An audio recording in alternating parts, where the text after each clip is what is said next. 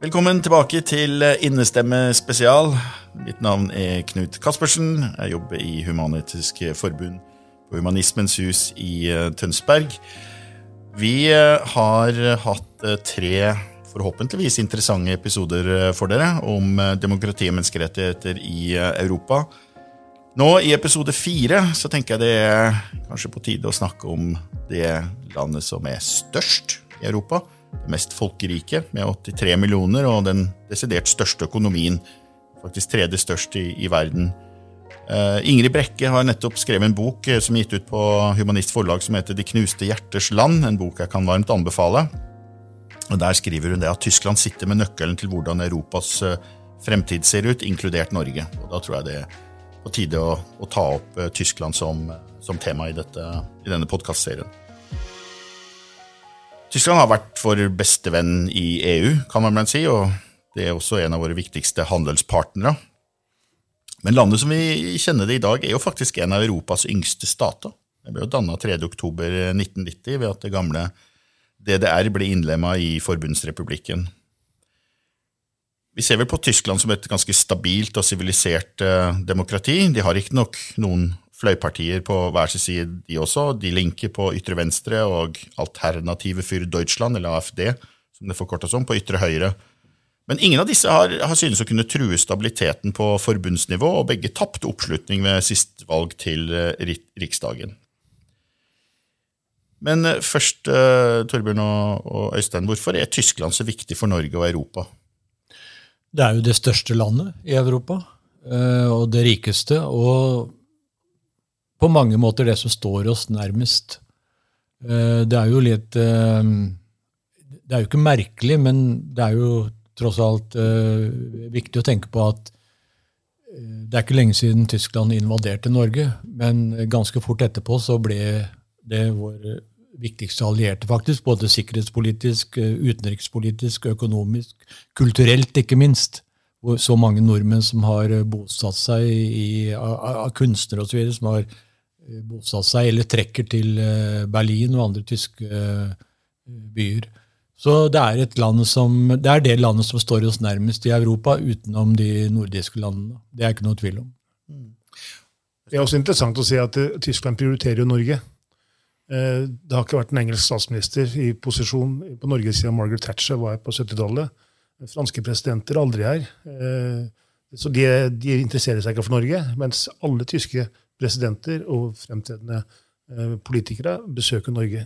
Har tett norsk kontakt, og alle norske Eh, storting og regjering er veldig mye i Tyskland. I min tid som politiker så var vi jo i Tyskland hvert eneste år. Eh, på ulikt vis. Eh, og det, det er vårt tetteste og beste allierte. Og de har jo også på forbilledlig vis klart å ta et oppgjør med sin fortid, som mange andre europeiske land ikke har gjort.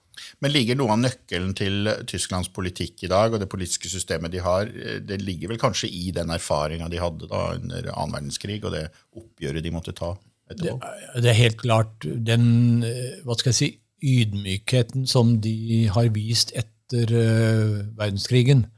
Det at de skjønner hva Tyskland gjorde, og hvordan de har skapt minne om det og skapt diskusjon om det. Det, går, det, det gjentas og gjentas og gjentas. De blir aldri ferdig med det.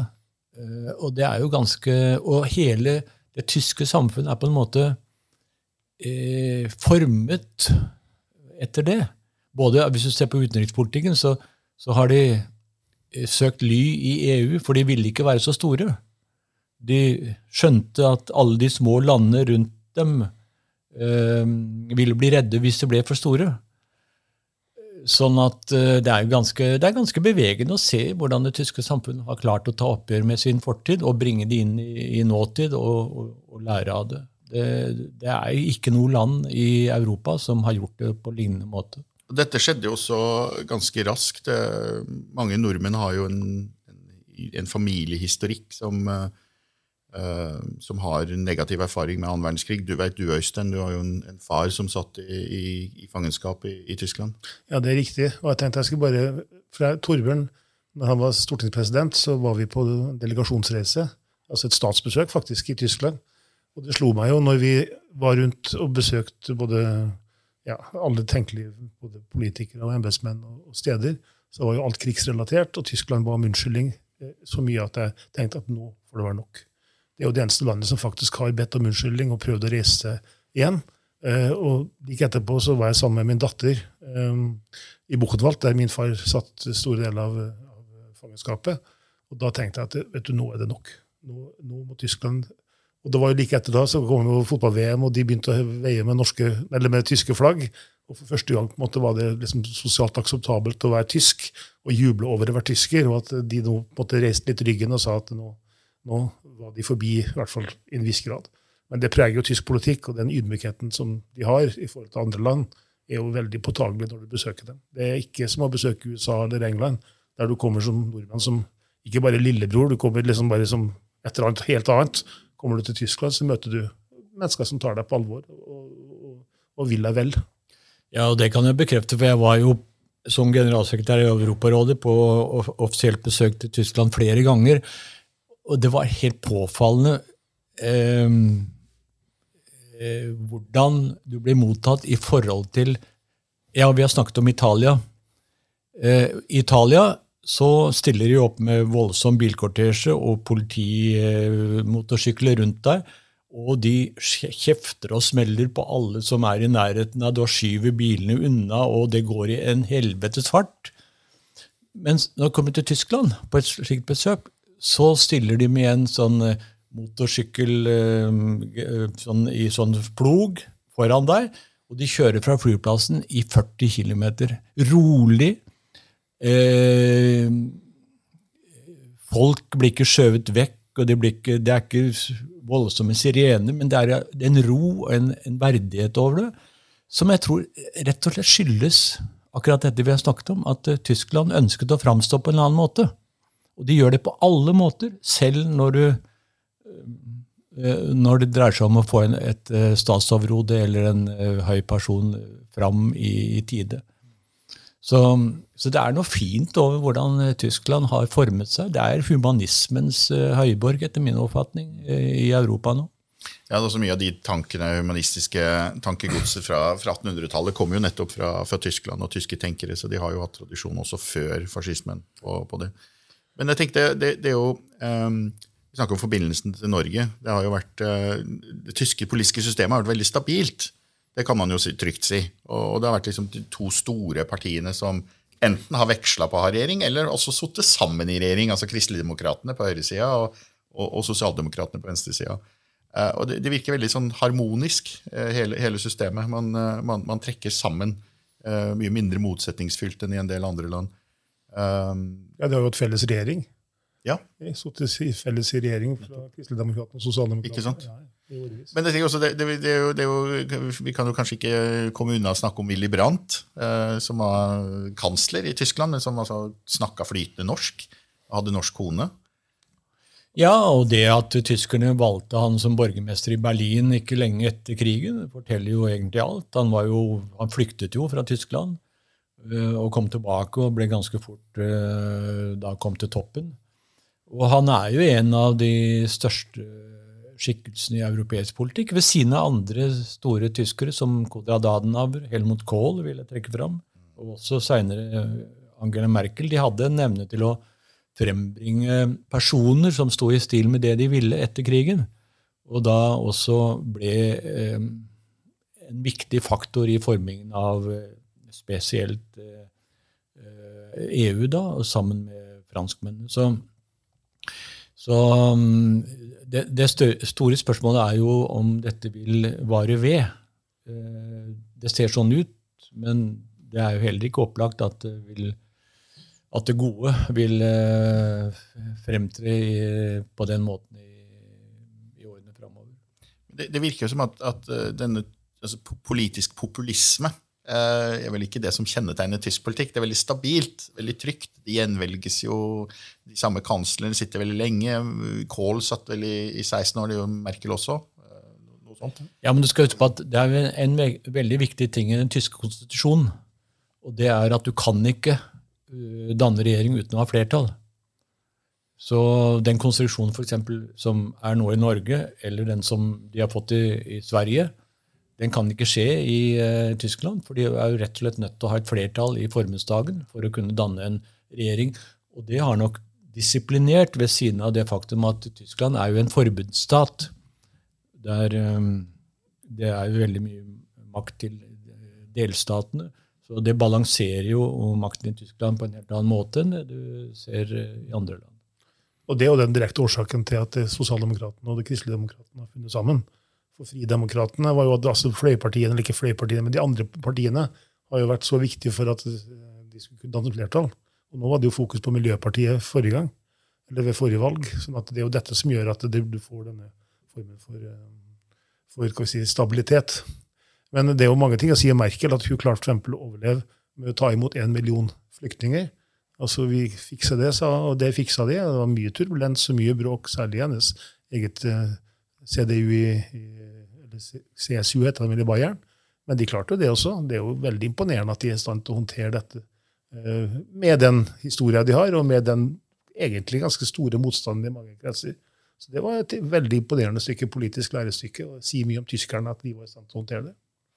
Men de utfordres jo likevel. da. Vi har jo dette alternativet for Deutschland som jeg, som jeg nevnte, som, som, er et ytre høyreparti som, eh, som kommer inn fra, fra sida, men som ikke synes å få en veldig stor oppslutning. Men det har jo noen oppslutning. Men det, det som er interessant, er jo at det partiet som egentlig ble danna i det tidligere vest, har fått størst oppslutning i det tidligere øst, og til en stor oppslutning. Ja.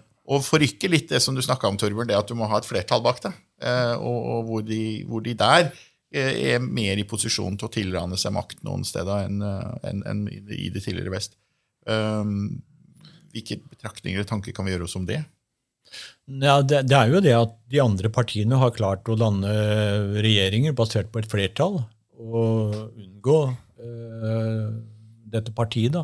Men siden du nevner at det har uh, større oppslutning i øst enn i vest, så det er jo en vekt, viktig ting i forhold til det vi har vært inne på, nemlig oppgjøret med fortiden. Den kom aldri i Øst-Tyskland. Eh, og, og, forresten, vi skulle trekke, trekke eh, historien til eh, det som har skjedd i, i, Russland med Putins krig i Ukraina. Russerne tok aldri noe oppgjør med stalinismen, helt og fullt. Eh, og det tror jeg har skadet Russland voldsomt, mens det har tjent Tyskland tilsvarende at de faktisk tok oppgjør med, med fortiden sin. Så, så, så, det har klare politiske eh, trekk ved seg, dette her. Altså, var jo Øst-Tyskland et diktatur, mens eh, Vest-Tyskland ikke var det. Sånn at disse, og, og, i mange av disse ytre, altså Saksen og Mecklenburg og disse, disse delstatene, så er det jo mye lavere levestandard, mye lavere lønn, mye større usikkerhet, mye større arbeidsledighet enn det i, i, i de vestlige eh, delstatene.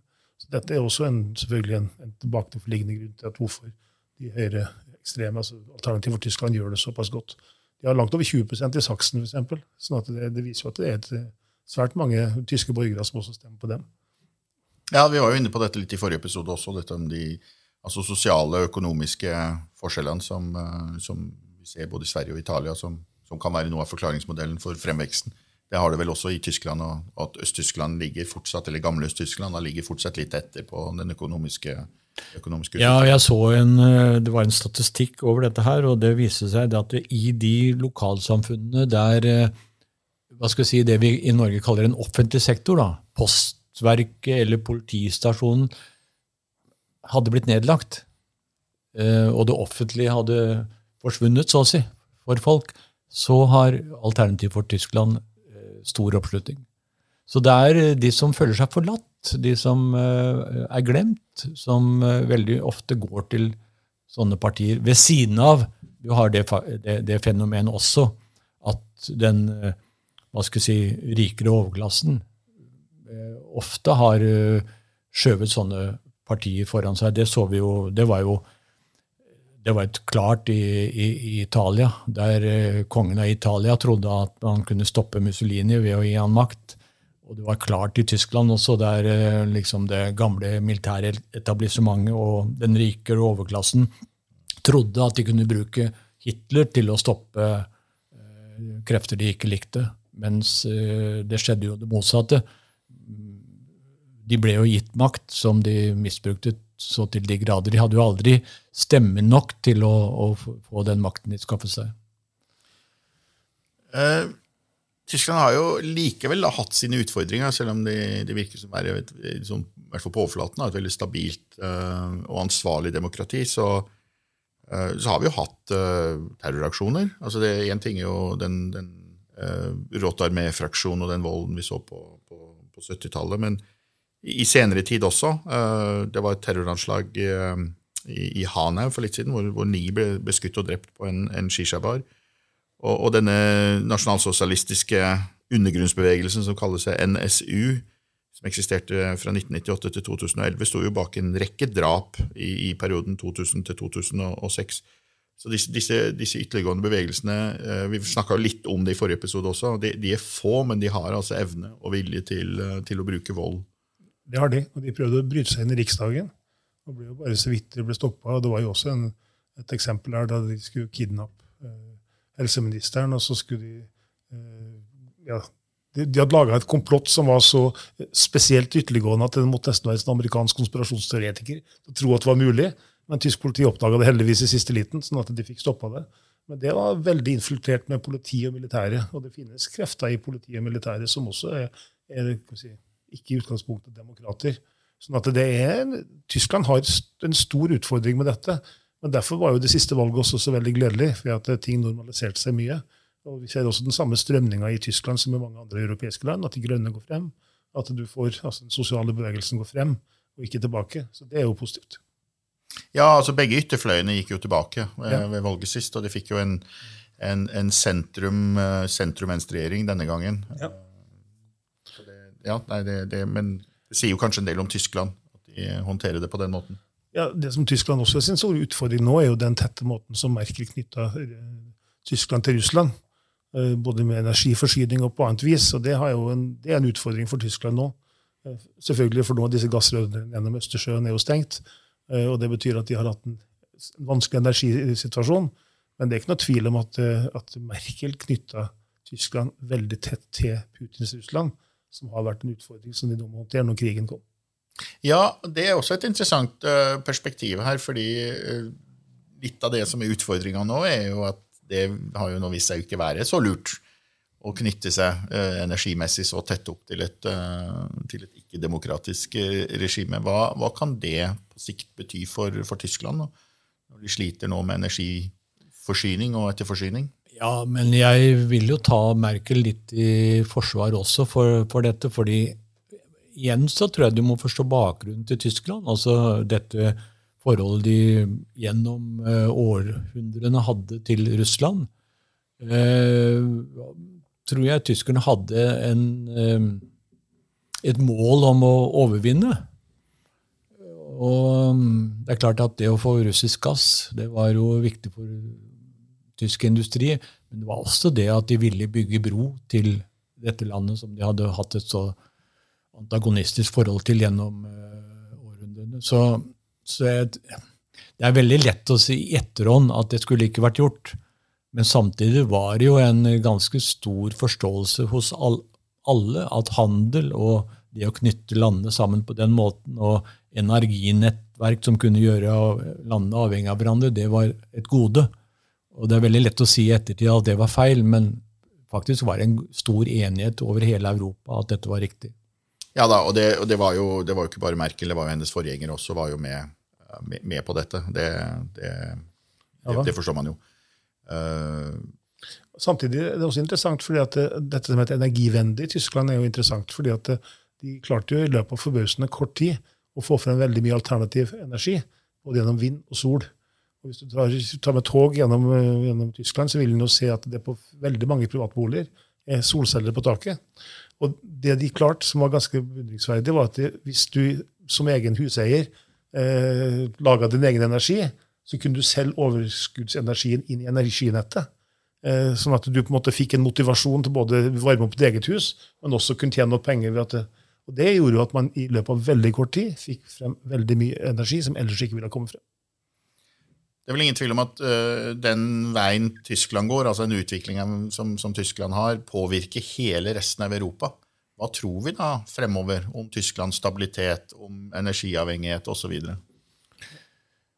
Ja, jeg tror jo at den uh, tyske industrien vil uh, Det ser ut til at den er nå litt i vanskeligheter, og at det er energiproblem. Men jeg tror de vil overvinne. For det, det som Øystein uh, sier her, det har jo vært en Lenge før disse problemene med gasstilførselen startet, så var det jo en drive for å få til grønn omstilling i Tyskland som gikk lenger enn de aller fleste andre land. Men en annen ting som jeg har lyst til å nevne her, som ingen snakker om og jeg, Det er fordi at jeg har sett det på nært hold, og som vi kan lære av i Norge. Tyskland har en yrkesutdanning som er helt fenomenal. Og de har lærlinger som nesten er i ferd med å forsvinne i Norge. Men de har en kultur for, for yrkesutdanning og det å, å gi muligheter for lærlinger som uh, ingen andre land i Europa har. Uh, og jeg tror faktisk det er noe av det som gjør den tyske industrien uh, så sterk. Det er kanskje det viktigste. De har fagarbeidere som er i toppklasse, altså, og det skyldes utdanningen. Ja, så Den tyske industrien også er jo veldig annerledes sammensatt enn resten av verden. For den er jo familieeid. Ja. Den er jo ikke børsnotert. sånn at de store familiene eier jo disse selskapene og gjør akkurat som Torbjørn sier. Og Da må jeg komme med en liten sånn digresjon. for jeg, eh, jeg har vært på statsbesøk to ganger i Tyskland. En gang med Torbjørn, men en gang også med, med kongen. Eh, og da, um, For å forberede det statsbesøket så var det mye bråk, eller ikke mye bråk, men det var eh, den Max Tau, den tyske skolen i Tyskland, nei, i, I Oslo. Oslo. Ja, de hadde selvfølgelig mangelfull økonomi, så vi måtte prøve å rydde opp i dette. Og En del av den avtalen vi da gjorde, var jo at vi laga avtaler for utveksling av lærlinger mellom Norge og Tyskland. Og så kom vi til Tyskland, og vi, det første besøket der, i Berlin, var hos Angela Merkel. Vi var fire norske statsråder og Hans Majestet i midten. Og så ser vi Angela Merkel med en stor bunke papirer på andre sida av bordet, og så første spørsmål hvordan går det med skolen Max Tau? Det sank i magen. Kongen bøyde seg litt over bordet, så ned på meg nederst på venstre flanke. Nå må det være din tur, Øystein. Jeg stotra meg gjennom at vi hadde klart å få til en avtale, og så så jeg Angela Merkel tok papiret bort la det bort. Så jeg hadde klart liksom å bestått. Men jeg må si at da hadde jeg skikkelig hjertebank når kongen så ned på meg. Øystein, nå må du få Max Tau. Jeg håper det gikk fint. Jeg har ikke fulgt. Jeg håper mange norske lærlinger har vært i Tyskland. Det var også en del av avtalen. Ja, ikke sant. Ja. Hvordan gikk det med skolen, da? Nei, altså Det eksisterer nå. Den ligger like bak Slottet. Det er en gammel kommunal skolebygning som de har overtatt. Men det er klart at det var mye vedlikehold som skulle gjøres, og det er klart at det at foreldrene kunne ikke forventes å betale det. Men det, var en privat, det er jo da definert, definert som en privatskole, og får støtte på det gjennom det vanlige norske systemet. Ja. Eh, hva er det mer eh, eh altså, har, vi, har, vi, noe å lære av Tyskland, da? Er det noe vi, vi eh, kan bruke i, eh, i, i Norge? Tyskland er, altså mange altså Tyskland er, Jeg syns Tyskland er et forbilde. Jeg synes Den måten de har klart å reise etter krigen, er et forbilde. Den måten de har klart å ta oppgjør med sin egen fortid, er et forbilde. Det er et fantastisk ferieland. og Det å dra til Tyskland er jo en opplevelse. Ja, vi har feriert veldig mye der de siste åra og ser stadig vekk ting som er fantastisk, ikke bare Berlin. Men det vi, det vi først og fremst kanskje kan lære, er at det, verden må samarbeide. Tyskland står nå for den fremste eksponenten for samarbeid med alle land rundt seg. og og ikke minst Norge. Og Det er veldig positivt. De er en motor i EU. Det er veldig positivt. De er en motor i Nato. Det er veldig positivt. Og de er en god venn av Norge. Det er veldig positivt. Ja, og uh, en liten uh, historie til slutt som forteller en del om Tyskland slik det er i dag. Da hadde det vært spørsmål om skulle flytte hovedstaden fra Bonn til Berlin etter sammenligning av Tyskland så husker jeg Willy Brandt var et sterk tilhenger av å flytte til Berlin. Eh, hvorfor? Jo, fordi Hitler hatet Berlin. Og hvorfor hatet eh, Hitler Berlin? Jo, fordi det var byen for avantgarde-kultur. Og sånn er det jo i dag også. Hvis du reiser til Berlin, så er det virkelig en eh, det er et eh, kulturell pluralisme der som er helt fenomenal. Det kan vi lære av eh, her i Norge også hvor viktig det er med denne oppblomstringen av mange forskjellige avantgante kulturer. Og så har jo Tyskland tatt vare på fotballen. Mens i England og andre land er det bare kapitalen som styrer. Så er alle de store klubbene i Tyskland medlemsstyrt. Eh, det koster mye mindre enn å komme inn på en tysk fotballkamp. Og de har de beste lagene og de beste spillerne. Og de er tyske i all hovedsak. Mens du ser den engelske ligaen nå er helt ødelagt av, eh, av kapital og bare pengeinteresser. Så ser vi altså at Tyskland holder fast ved at klubbene er medlemsstyrte. Og det er et helt annet perspektiv på idretten i Tyskland enn det er i noe annet uh, av de store landene i Europa. Spennende. Eh, tusen hjertelig takk for eh, betraktningene. Da eh, takker vi for, eh, for, oss eh, for denne gangen. Jeg heter Knut Caspersen, og tusen takk til Øystein Djupedal og Torbjørn Argland. Og velkommen tilbake til neste episode i Innestemme spesial, da vi skal snakke om Nobels fredspris.